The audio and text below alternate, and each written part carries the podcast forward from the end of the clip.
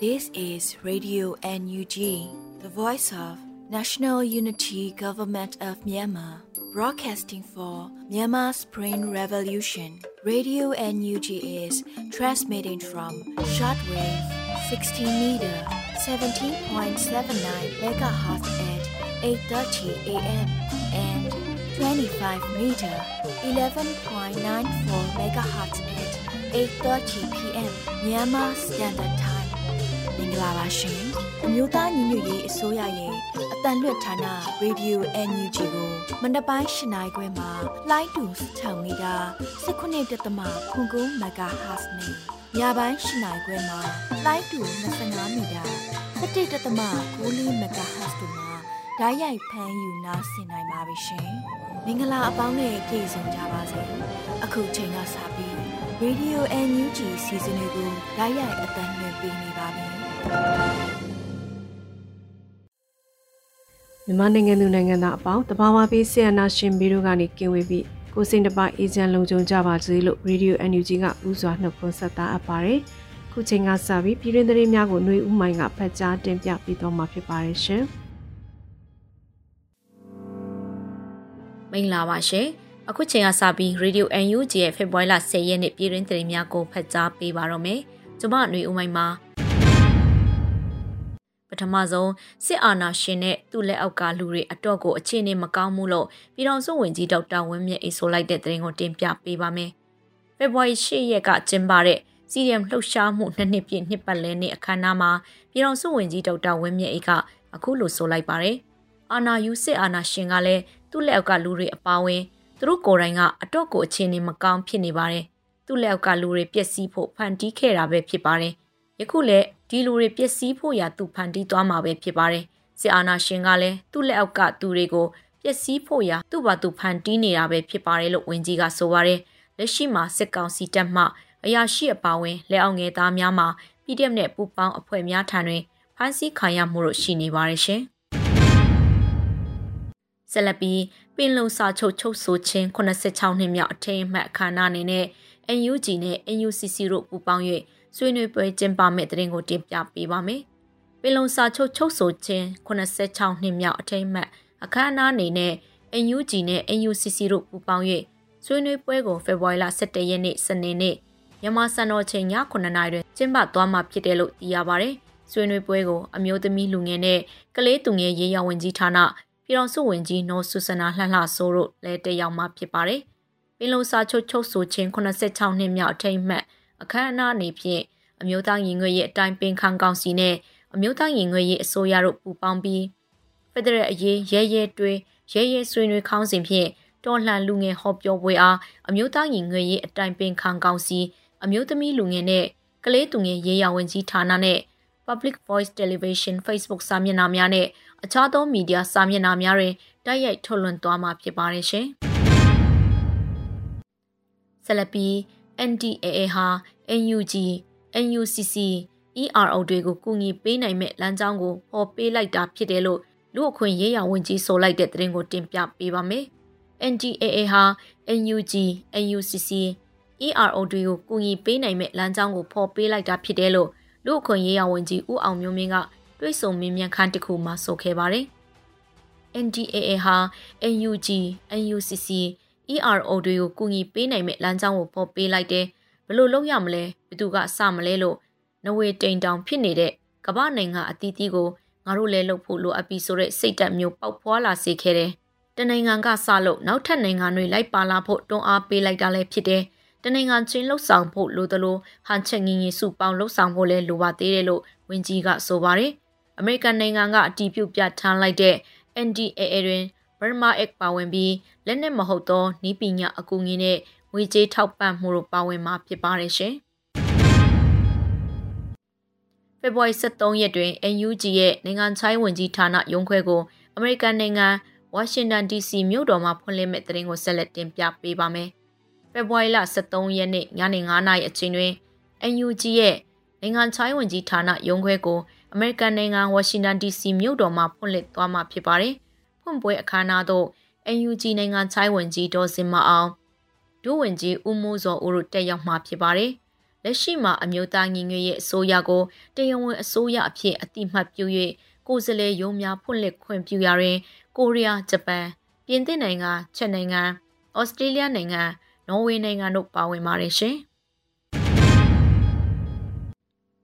ဆက်လက်ပြီးအင်းတော်မြို့နယ်မဲစာရွာရှိမဲစာရဲစခန်းရှိတွင် ပြည်သူတယောက်ပြစ်တက်ခံလိုက်ရတဲ့တဲ့ရင်ကိုတင်ပြပါအောင်မယ်။စကိုင်းတိုင်းအင်းတော်မြို့နယ်မဲစာရွာရှိမဲစာရဲစခန်းရှိတွင်ပြည်သူတယောက်ပြစ်တက်ခံလိုက်ရတယ်လို့ဖေဖော်ဝါရီ10ရက်မှာအင်းတော်တော်လှိုင်းအင်အားစုကအတည်ပြုဆိုပါတယ်။ဖေဖော်ဝါရီ9ရက်အင်းတော်မြို့နယ်မဲစာရွာရှိ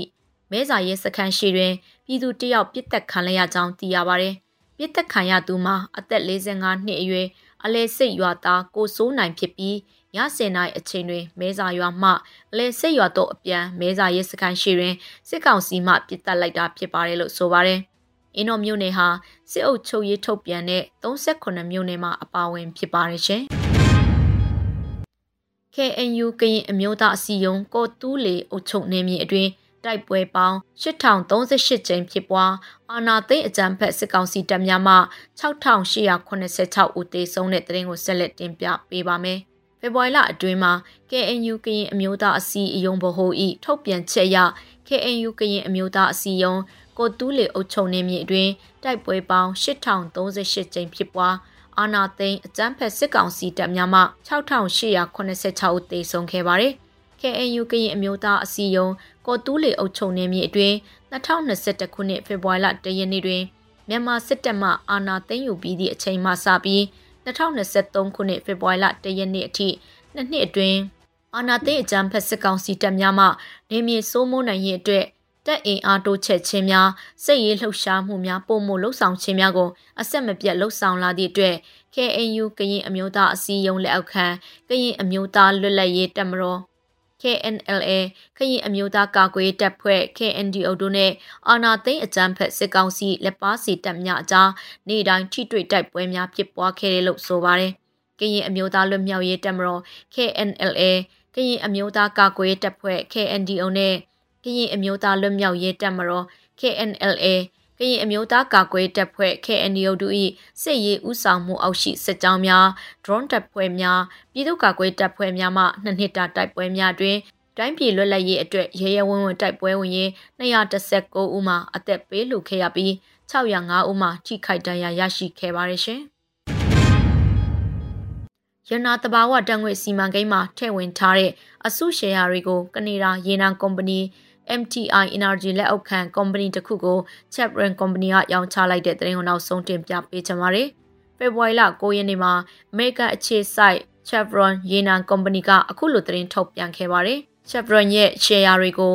MIT Energy ကသူ့ရဲ့ Bermuda ကျွန်းအခြေစိုက်လုပ်ငန်းခွဲတစ်ခုဖြစ်တဲ့ Ed Martin Holding လုပ်ငန်းကတဆင့်ဝယ်ယူတာလို့မြန်မာစစ်တပ်နဲ့ဆက်ဆက်လုပ်ကင်နေတဲ့စီးပွားလုပ်ငန်းတွေကိုပေါ်ထုတ်နေတဲ့ Justice for Myanmar အဖွဲ့ကပြောပါတယ်။ Reading ပိုင်းဘာမြူရာကျွန်းစုဒေတာဟာနိုင်ငံခြားကုမ္ပဏီတွေအခွန်ကင်းလွတ်ခွင့်ရရှိတဲ့ဒေတာဖြစ်ပြီးလှုပ်ဝက်တဲ့စီရင်ပိုင်ခွင့်နယ်မြေဖြစ်တယ်လို့ဆိုပါတယ်။မြန်မာနိုင်ငံကအကြီးမားဆုံးရနာတန်ခွင့်စီမံကိန်းမှာထည့်ဝင်ထားတဲ့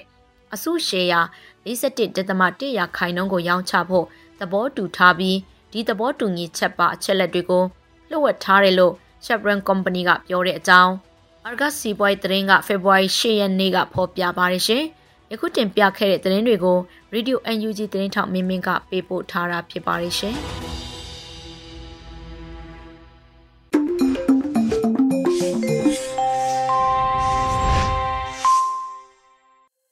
ခုဆက်လက်ပြီးတော်လိုင်းကြပြကဏ္ဍမှာနေသွင်းနိုင်ရေးသားထားတဲ့မရေးပြတဲ့ကျဲဆိုတဲ့ကြပြလေးကိုရွေးဥမှုကခန်းစားရွတ်ဖတ်ပေးမှာဖြစ်ပါတယ်ရှင်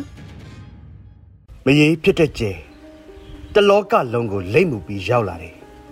နှလုံးသားလှသူကြားလေအုံးလက်မြင်လဲမစီးရထမ်းလက်မြင်လဲမစီးရရေစီးနဲ့မျောလာတဲ့တည့်ရငယ်ငရဲကပို့လာတဲ့ဒုက္ခတစ်ပင်အစည်းအခိုင်လိုက်ငါတက်တာဘူးတဲ့ကဖွဲဖွဲရရမရှိတဲ့တောကခြုံဆောင်စစ်မီးလောင်ပြင်မှာမျက်ရည်နဲ့ပိန်ဥစွပ်ပြုတ်ခွက်တဲ့ညချမ်းကိုထုစစ်တော့အလွမ်းကမီးတောင်ကြားပွင့်လာ မင်းနာမည်အမေမဲ့ငါနာမည်အဖေမဲ့အမောင်ရောင်ပုံကျင်းနေသူလေးစာရေးတယ်တို့ဖေဖေနဲ့မေမေခဲတံစတွေးစွတ်ဝလုံးကိုတရွတ်ဆွဲစဉ်လေရင်ဟာပြန်သွားတယ်နေတွင်တိုင်း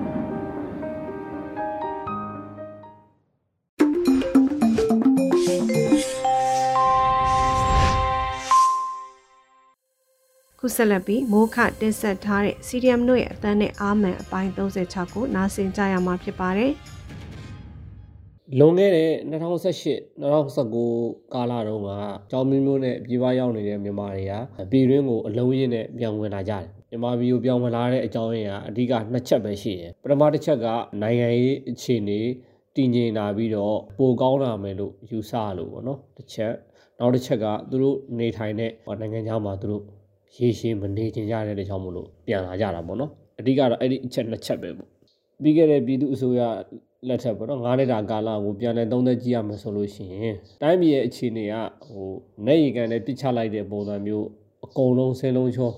လုံးဝပြောင်းလဲသွားတာမျိုးတော့မဟုတ်ဘူးပေါ့နော်မဟုတ်ဘူးအဲပညာရေးအုပ်ချုပ်ရေးစီးပွားရေးလမ်းမဆက်သွယ်ရေးတော့ကျန်းမာရေးပေါ့နော်အရေးကြီးတဲ့အခမ်းအနားတွေပေါ့လုံးဝပြောင်းလဲသွားတာမျိုးမဟုတ်ဘူး ဒါပေမဲ့တော်တော်လေးတော့တိုးတက်ပြောင်းလဲလာတယ်ပေါ့နော်ဒီလိုရှိတယ်အဲအားနည်းချက်တွေလိုအပ်ချက်တွေစီမံခန့်ခွဲမှုအလွယ်တွေလည်းရှိပါတယ်ဒါပေမဲ့စစ်တပ်ကပေးထားတဲ့ခဲပေါက်လေးပေါ့နော်အဲ့ဒီခဲပေါက်လေးနောက်2008ဆိုတဲ့ဖွဲ့စည်းပုံအခြေခံဥပဒေပေါ့နော်ဒီခြေဥရဲ့အဲကျိုးကင်ပြီးတော့ကျိုးနဲ့ခြီထားတဲ့အနေထားခြေဥနဲ့ခြီထားတဲ့အနေထားအဲ့ဒီအောက်ကနေပြီးတော့မှစူးစမ်းပြီးတော့လှုပ်သွားတဲ့ဒီဒီပြည်သူ့ဆိုရရဲ့ဆွမ်းဆောင်ရည်ကြောင့်ပေါ့နော်တိုင်းပြည်ကဒီအရှိတောင်အာရှနိုင်ငံမှာရောဒီကဘာမှာရောပေါ့နော်ပြန်ပြီးတော့ အဲစိတ်ဝင်စားခြင်းခံလာရတယ်လားလာရှိတဲ့နိုင်ငံပေါ့ potential country အဖြစ်နဲ့ပြန်ပြီးတော့သတ်မှတ်ခံလာရတဲ့အခြေအနေရှိတယ်ပေါ့နော်အဲ့ဒီလိုမျိုးသူသဖြင့်နိုင်ငံကောင်းဆောင်တွေပေါ့နော်သမ္မတဦးဝင်းမြင့်တို့လိုတော့ဒေါ်သန်းစုကြည်တို့လိုပုံကိုယ်တွေကြောင့်လည်းဒီလိုယုံကြည်မှုကိုခံရတယ်ပေါ့နော်အဲ့တော့အဲ့လိုယုံကြည်မှုတွေရှိရတဲ့ကြောင့်မလို့ဒီပြည်ပရောက်ရှင်မြန်မာတွေပေါ့ ပြန်လာကြတယ်အထူးသဖြင့်2018 2019မှာအဲပြီးတော့ပြန်လူဦးရေအရေအတွက်ကတော်တော်လေးများတယ်ပေါ့နော်ဒီလာဝကစရင်တွေကိုလေ့လာကြည့်တော့ဒီ2000နဲ့20ပေါ့နော်2020မှာလည်းဝင်လာကြတယ်တပွဲပွဲနဲ့အထူးသဖြင့်ဗမာတိတာလဲဆိုတော့ဒီကိုဗစ်တွေ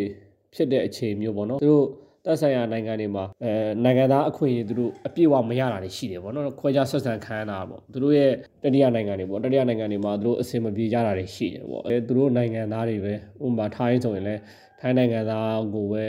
အဓိကဦးစားပေးတာမျိုးရှိရပေါ့နော်ဒါကြောင့်မို့လဲသူတို့ပြန်လာကြတာပေါ့နော်အဲ့လိုမျိုးတွေရှိတယ်အစိုးရရဲ့ပြောင်းလဲလာတဲ့နိုင်ငံရေးစနစ်ကြောင့်ပြန်လဲလာတာဖြစ်တယ်လို့ဒုတိယချက်ကနိုင်ငံခြားမှာရောက်နေတဲ့သူတွေရဲ့ဟိုစိတ်ခံစားချက်တွေအများစုထင်ကြတာကဟို နိုင်ငံခြားရောက်ပြီဆိုရင်အထင်ကြီးကြတာများတယ်ပေါ့နော်အဆင်ပြေသွားကြပြီအဲပတ်စံနေအများကြီးဝင်နေပြီးတော့တော့လည်းဝင်နေကြပြီဆိုပြီးတော့အထင်ကြီးကြတာရှိတယ်ပေါ့နိုင်ငံခြားမှာကြကြနေဘူးတဲ့သူတွေပေါ့ဥမာပညာတော်သင်သွားဘူးတဲ့သူတွေ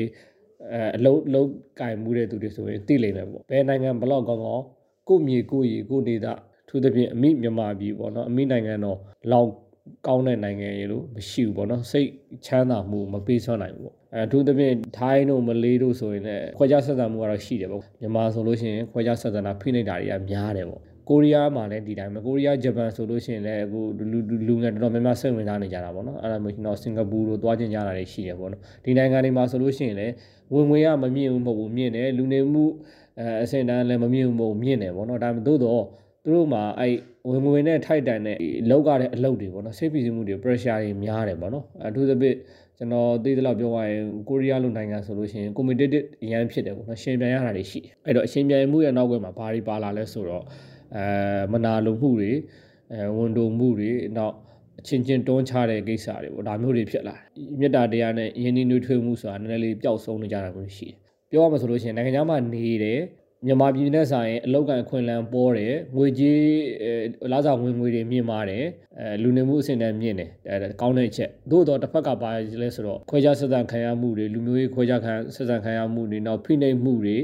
အနိုင်ကျင့်မှုတွေခေါင်းပုံဖြတ်မှုတွေနောက်အ ਨੇ ဆုံးတော့နိုင်ငံကြီးရောက်သွားပြီဆိုတော့စိတ်ဖိစီးမှု pressure တွေပေါ့နော်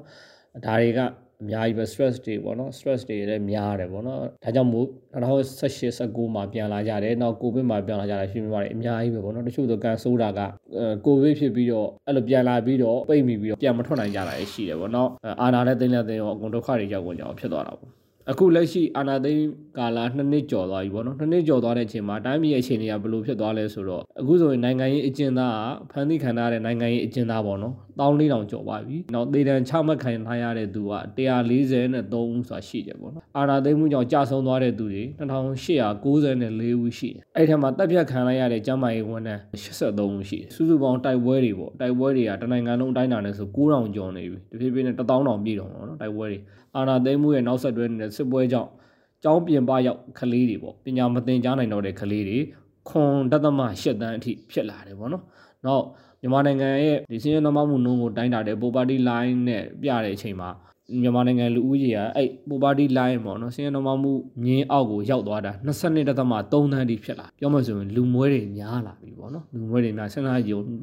90ရာခိုင်နှုန်းပြည့်တော်မယ်ပေါ့နော်တဖြည်းဖြည်းနဲ့အဲ့အမှလေချောင်းကြောင့်ကြာဆုံးတဲ့သူဆို460နဲ့အထက်ရှိတယ်လူလူငယ်တွေတက်ဖြတ်ခံရတာ1059ဦးနောက်ကလေးတွေဆိုရင်သေဆုံးတဲ့ကလေးတွေအသက်မပြည့်သေးတဲ့ကလေးတွေ284ဦးထိရှိတယ်စစ်ဘေးရှောင်တွေစစ်ဘေးဒုက္ခတွေတွေနှစ်တန်းရှိတယ်နှစ်တန်းကြော်လာပြီအခုဆိုရင်နှစ်တန်းကြော်လာပြီနောက်မီးရှို့ခံရတဲ့အိမ်တွေလုံးဝကိုမီးရှို့ခံရတာစစ်တပ်ကမီးရှို့ပစ်တာတွေ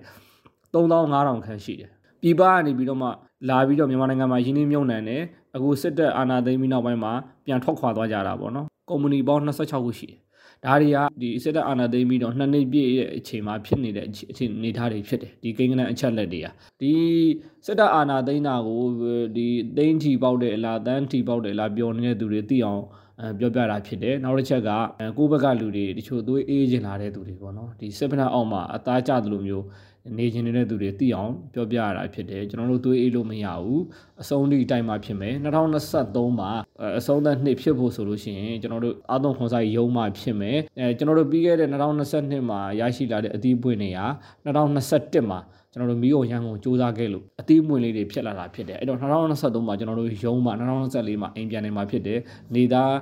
ကြသွားလို့မပြူသူအိတ်နေလို့မရဘူးဆိုတာလေးသတိပေးချင်တာဖြစ်တယ်ဒီကိန်းကနန်းအချက်လက်လေးတွေကိုတေချာပြန်ပြီးတော့လေ့လာကြည့်ပါရေပေါ်စီတွေကိုကြည့်ပြီးတော့ရေပေါ်စီတွေလမ်းကိုလိုက်လို့မရဘူးဆိုတာလေးသတိပေးချင်တယ်ကျွန်တော်တို့တက်ညီလက်ညီနဲ့ဆက်ကြိုးစားလိုက်ကြရအောင်ပါရေတော့ဘုံမုတ်ချအောင်ရမည်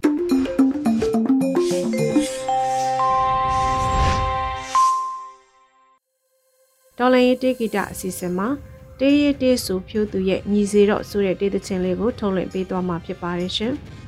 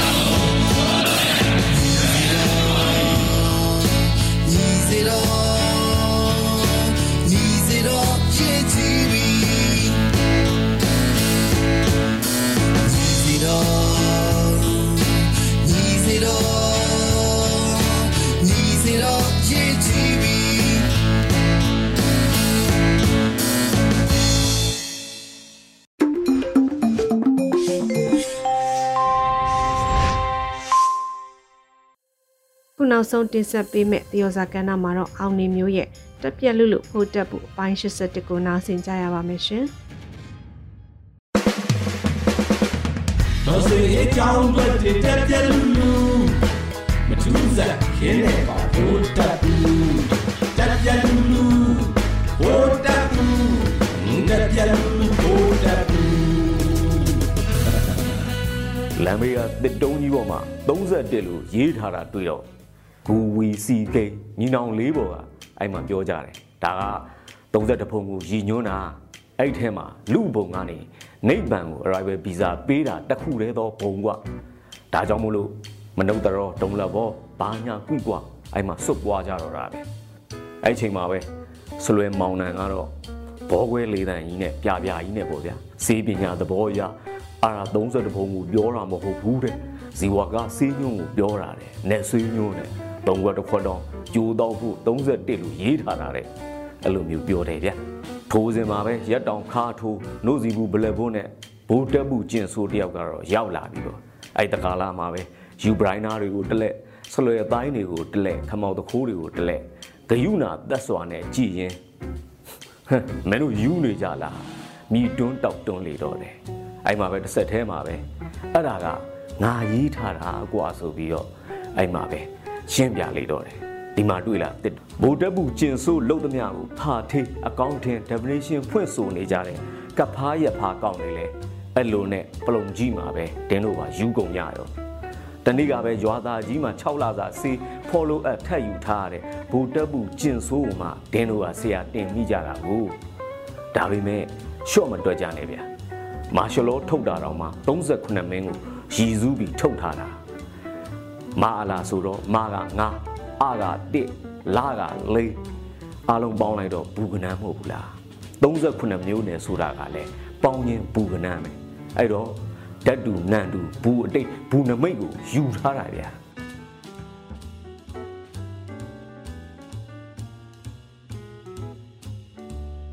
သို့တော့ဘူကောင်ဆိုပြီးတော့ရှော့မတွက်လေနဲ့ဂျောင်ပိတ်မိနေတဲ့ခွေးယူလိုပဲအကုန်ပတ်ကြိုက်ဖို့မန်ဖီးနေတာရဲ့ တရေတများများတဲ့နိုင်ငံရေးပါတီများမှတ်ပုံတင်ခြင်းဥပဒေဆိုပြီးပြန်လန်းလိုက်တယ်လိုချင်တာကဖွပါတီတစ်ခေါင်နဲ့ပြည်တော်စုမှာရှိစေချင်တာပြည်သူ့လွတ်တော်အမျိုးသားလွတ်တော်ရွေးကောက်ပွဲဆိုင်ရာဥပဒေပုံမှန်41ရမဲဆန္ဒနယ်တစ်ခုမှာရွေးကောက်ခံကိုယ်စားလှယ်တဦးတည်းသာရှိလင်အဲ့နယ်မှာရွေးကောက်ပွဲမကျင်းပတော့ပဲအဲ့ကိုယ်စားလှယ်လောင်းကိုသာရွေးကောက်ခံကိုယ်စားလှယ်အဖြစ်နဲ့အော်တိုငုတ်တုတ်ကိုကြီးညာပေးရမှာတယ်ဗျာ အဲတို့လိုကြောင့်နိုင်ငံရေးပါတီများမှတ်ပုံတင်ခြင်းဥပဒေကိုစွတ်လုံချပစ်လိုက်တော့တာပေါ့မဲဆန္ဒနဲ့တကူထဲမှာခေါင်းတကွေးခွေးနှကောင်ရှိနေမဲဘုံကထောင်ရတော့မယ်အဲ့မှာမြေပြင်ဆင်းရတော့မယ်စီယုံရေးတွေပါလောက်ရတော့မယ်ဗျာလက်တွေမှာတော့ဘသူကဆင်းရဲမလို့မာလကီယာကုံမှာပေါ့အဲ့ဆိုတော့က38မြို့နယ်မှာမာရှလောတော့တာပဲထက်လဲတိုးချဲ့ကြအောင်နောက်ထပ်အကုန်နှိပ်ကွပြင်မယ်ဗျာပြီးရင်တော့အဲ့နယ်တွေမှာပြိုင်ဘက်မရှိဖို့တကောင်နဲ့ ရွေးကောက်ပဲဝင်ပြိုင်စီပေါ့ဒါကသူခင်းထားတဲ့လမ်းကြီးပဲပုံမှန်41အရာပဲလက်တွေ့မြေပြင်ဆင်းစရာမလိုတော့ပဲအိမ်မှာပဲခေါင်းပြအောင်အိမ်ရင်းနဲ့အော်တိုမက်တစ်ကိုကိုယ်စလဲဖြစ်သွားတော့မယ်အဲ့ဒီကွက်ကို share plan နဲ့ကိုချိုးတာသူယူတိုင်းငါတို့ကယူစရာကိုမလိုဘူးကိုလို့ကိုလို့ယုံမယ်ခွေးယူဆိုတာလည်းမြစ်တာတုတ်ရွတ်လို့ထူးလာမှမဟုတ်တာဘူးခံဒီမီဖုတ်ပြစ်ချကျွေးရမယ်ဒါမှရေရရာယူအာချောင်တဲ့ကောင်အန်လိုက်ပါကြွကြသွားတယ် ခေတ်ဆက်ဆက်အာနာရှင်ဘဝင်ယူတွေကလည်းရာဇဝင်ချင်းဆိုတိတ်ကြိုက်ကြတာအဲ့ထဲမှာမှဗိုလ်တပ်ပုကျင်ဆိုးကအဆိုးဆုံးပဲကရုံးတူကရုံးရောင်ပုံနှဖြူပုံနှညိုတွေကျွေးသမျှဂျင်းကိုလည်းအဟုတ်မှပြီးတော့လိုက်လို့တယ်ဓာတ်လိုလိုနက်လိုလိုရေရမှန်သမျှခြေတယ်ဝေရကဝေနှစ်ဆင့်လိန်သမျှလေခံတာပဲဗျဖွတ်မိချောင်းဖြစ်တော့မြင့်မချမ်းသာဆိုသလိုပဲဘရင်ယူကောင် IC ကျွတ်ခဲကြွအခန့်ပြက်ဘူကျွေးမမှန် CPU နှိပ်နေသမျှတော့တိုင်းပြည်ကနာရတော့မှာပဲရှေခေဘရင်တွေပြည်သူတွေကိုဂျင်းထဲတဲ့စင်ပြူရှင်ကိုလည်းဖြူသင်းဆွဲနေတဲ့စင်နဲ့စွတ်ယူတယ်ထီလိုမင်းလိုရာဇဝင်အမားကိုလည်းအမှန်ထင်းထီတော်တော်တက်တင်လိုက်သေးတယ်ထီကလည်းလို့မင်းကလည်းလို့အတိတ်နမိတ်ကိုယူပြီးအာနာလူတော်တာပဲဗျာအနာကနေမြောက်ပေးနေတဲ့ကောင်းတွေကလည်းသမိုင်းမသိပညာမတက်တော့ပေါက်တက်ကရဓာတ်ကြမ်းနှစ်ကြမ်းလောက်ပဲဖတ်ဖူးကြသူတွေကြီးဆိုတော့ အချက်ကတော့ဗျမ်းဗျမ်းကိုကွဲတော့တာပဲဒီလိုမင်းလို့ဆိုတာကမွန်ဘာသာထိုးကြောက်စာလိုရဆိုလို့ရှင်ဒီလောကမင်္ဂလာသုံးလောကစက်တီဆောင်ကိုပြောတာရာဇဝင်ချင်းတွေကလိုပဲသားတော်၅ပါးကိုအလဲမထားထီးပြူဆိုင်ဘင်ဖြစ်မဲ့ကောင်ဘက်ကိုထိငိုက်ကြဆိုပြီးတော့အော်တိုမက်တစ်ဘင်ဖြစ်တာမျိုးမဟုတ်ဘူးပြားလိမ်မော်တွေကိုလှမ်းတယ်ထိုးကြံစစ်သားမင်းလို့မြောက်ပေးပေးတဲ့သူကလည်းမရှိသေးလို့ရှိရင်အဲ့ဘရင်ယူကဆက်ယူနေဦးမှရ င်ငကျင်တို့မောင်ကျင်ဆိုးအရိနမလှန်တော်ကြီးကိုပိုင်တကူဆိုပြီးတော့ရာဇဝင်လာသူရဲကောင်း၄ယောက်အထာနဲ့ခိမိတက်မတော်ဖခင်ကြီးဘွယ်ကိုခံအောင်မှာတပြုံပြုံသေးနေတဲ့အာကာထွန်းတက်မတော်ကိုစစ်တီ၄သိန်းအားနဲ့ကြားကန်ပေးလိုက်တယ်ပေါ့အဲ့လိုပုံစံချိုးနေတာထမ်းမင်တဲ့ရေကူးလဲထွန်းလှန်ထောက်ခုံကျွမ်းတဲ့သူတွေကစစ်တိုက်လို့နိုင်ရောလားမတကာစီကိန်းသွားပြန်ရင်တော့မဟုံတုတ်တုတ်ရှိအောင်မယ်အမေဘလူးဝါတာနေပြီးအစ်စ်အောင် တက်လှမ်းနေပြီတဲ့ဗျာပြောထွက်ချက်ကတော့လက်တွေမှာတော့ဒင်းတို့ပဲနေပြီးစီးတွေကချင်းတွင်းမြစ်ထဲကတာယာဟောင်းတွေလိုက်ရောင်းနေရတယ်ဘွားဒီလိုယူကောင်လေးတရက်ဆိုတရက်အသက်ဆိုးချေနေလို့ကတော့ငါတို့ပဲစိတ်ဆင်းရဲရတော့မယ်ဒါကြောင့်ပဲဘရင်ယူဂျပန်ကုဂျပုကောင်နဲ့အယူတတိုက်ကိုမြန်မာမသွေးပြန်မာလေးသေးရွာကိုလေးပို့နိုင်အောင်တချီတဲ့ရုံအပီဝုံညအောင်ဆိုရင်အရေးတော့အောင်နေပြီမ တရားမှုကိုစန့်ကျင်သောရေကူပန်းများပွင့်လန်းသည်ပြည်သူအာဏာပြည်သူများတရားရှိဖို့လိုအပ်သည်ပြည်သူနဲ့ဒီကနေ့ကတော့ဒီညနေပဲ Radio NUG ရဲ့အစီအစဉ်လေးကိုခေတ္တရ延လိုက်ပါမယ်ရှင်မြန်မာစံတော်ချိန်မနေ့၈နိုင်ခွဲနဲ့ည၈နိုင်ခွဲအချိန်တွေမှာပြောင်းလဲဆိုပြကြပါလို့ရှင် Radio NUG ကို မနေ့ပိုင်း၈နိုင်ခွဲမှာလိုင်းတူ16မီတာ19.7 MHz နဲ့ညပိုင်း၈နိုင်ခွဲမှာလိုင်းတူ25မီတာ17.6 MHz တို့မှာဓာတ်ရိုက်ဖမ်းယူနားဆင်နိုင်ပါပြီရှင်။မြန်မာနိုင်ငံသူနိုင်ငံသားများကိုယ်စိတ်နှဖျားစမ်းမချမ်းသာလို့ဘေးကင်းလုံခြုံကြပါစေလို့ Radio NUG ရဲ့ဖွဲ့သူဖွဲ့သားများကဆုတောင်းလိုက်ရပါတယ်။ San Francisco Bay Area အခြေဆိုင်မြန်မာမိသားစုများနဲ့နိုင်ငံတကာကစေတနာရှင်များလို့အားပေးကြရဲ့ Radio NUG ဖြစ်ပါတယ်ရှင်။အရေးတော်ပုံအောင်ရမည်